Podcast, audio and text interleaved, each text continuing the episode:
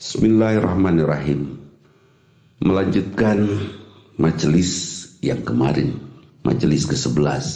Orang-orang yang mengharapkan cinta Allah, dia akan kagum kepada Al-Quran dan membaca, mencari tahu apa yang diinginkan oleh Allah. Di dalam Al-Quran, Allah sudah sampaikan. Seorang yang bertakwa akan hati-hati di dalam berbuat karena takut Allah murka. Siapa orang bertakwa? Orang bertakwa adalah orang-orang yang sukses menjalankan hidupnya di dunia dan di akhirat mendapatkan ridho dari Allah Subhanahu wa taala. Orang yang bertakwa di antaranya yu'minuna bil ghaib, beriman kepada yang gaib, yang maha gaib kepada Allah. Dia tahu persis bahwa Allah menyaksikan dirinya. Dia tahu betul bahwa para malaikat mencatat perbuatannya dia faham betul bahwa iblis menggodanya dan dia yakin bahwa tempat pulang ada surga, ada neraka. Dia akan melakukan semuanya sangat sungguh-sungguh. Dia tidak akan melakukan sesuatu yang pas-pasan dan dia melakukan dengan keyakinan Allah yang maha baik menyaksikannya. Dia tidak ingin ada catatan yang dipegang oleh malaikat tentang dirinya tercatat buruk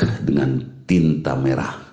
Dia ingin menorehkan tulisan-tulisan indah dengan tinta emas di buku catatan yang pada saat yaumul hisab nanti akan dibuka. Orang bertakwa, orang yang akan tentram karena dirinya terhindar dari kesalahan. Orang yang terhindar dari kesalahan cenderung akan tentram dan orang tentram akan memiliki produktivitas kerja yang sangat bagus. Mudah-mudahan kita takwa, yu'minuna bil ghaib, beriman kepada yang gaib ini. Betul-betul diyakini dengan jiwanya, betul-betul mempengaruhi perjalanan hidupnya. Keimanan yang baru ikrar dalam lisan saja, belum ikrar dalam hati, apalagi ke dalam sikap, itu belum sempurna. Yang sempurna adalah keimanan yang betul-betul mewarnai jiwa dan membuat jiwa bergerak, menggerakkan badan untuk berbuat sesuatu sesuai dengan motivasi apa yang diyakininya. Mudah-mudahan kita termasuk orang-orang yang bertakwa. Mudah-mudahan Allah tuntun kita dengan hidayah-hidayahnya. Itu saja. Aku qouli hada wa astagfirullah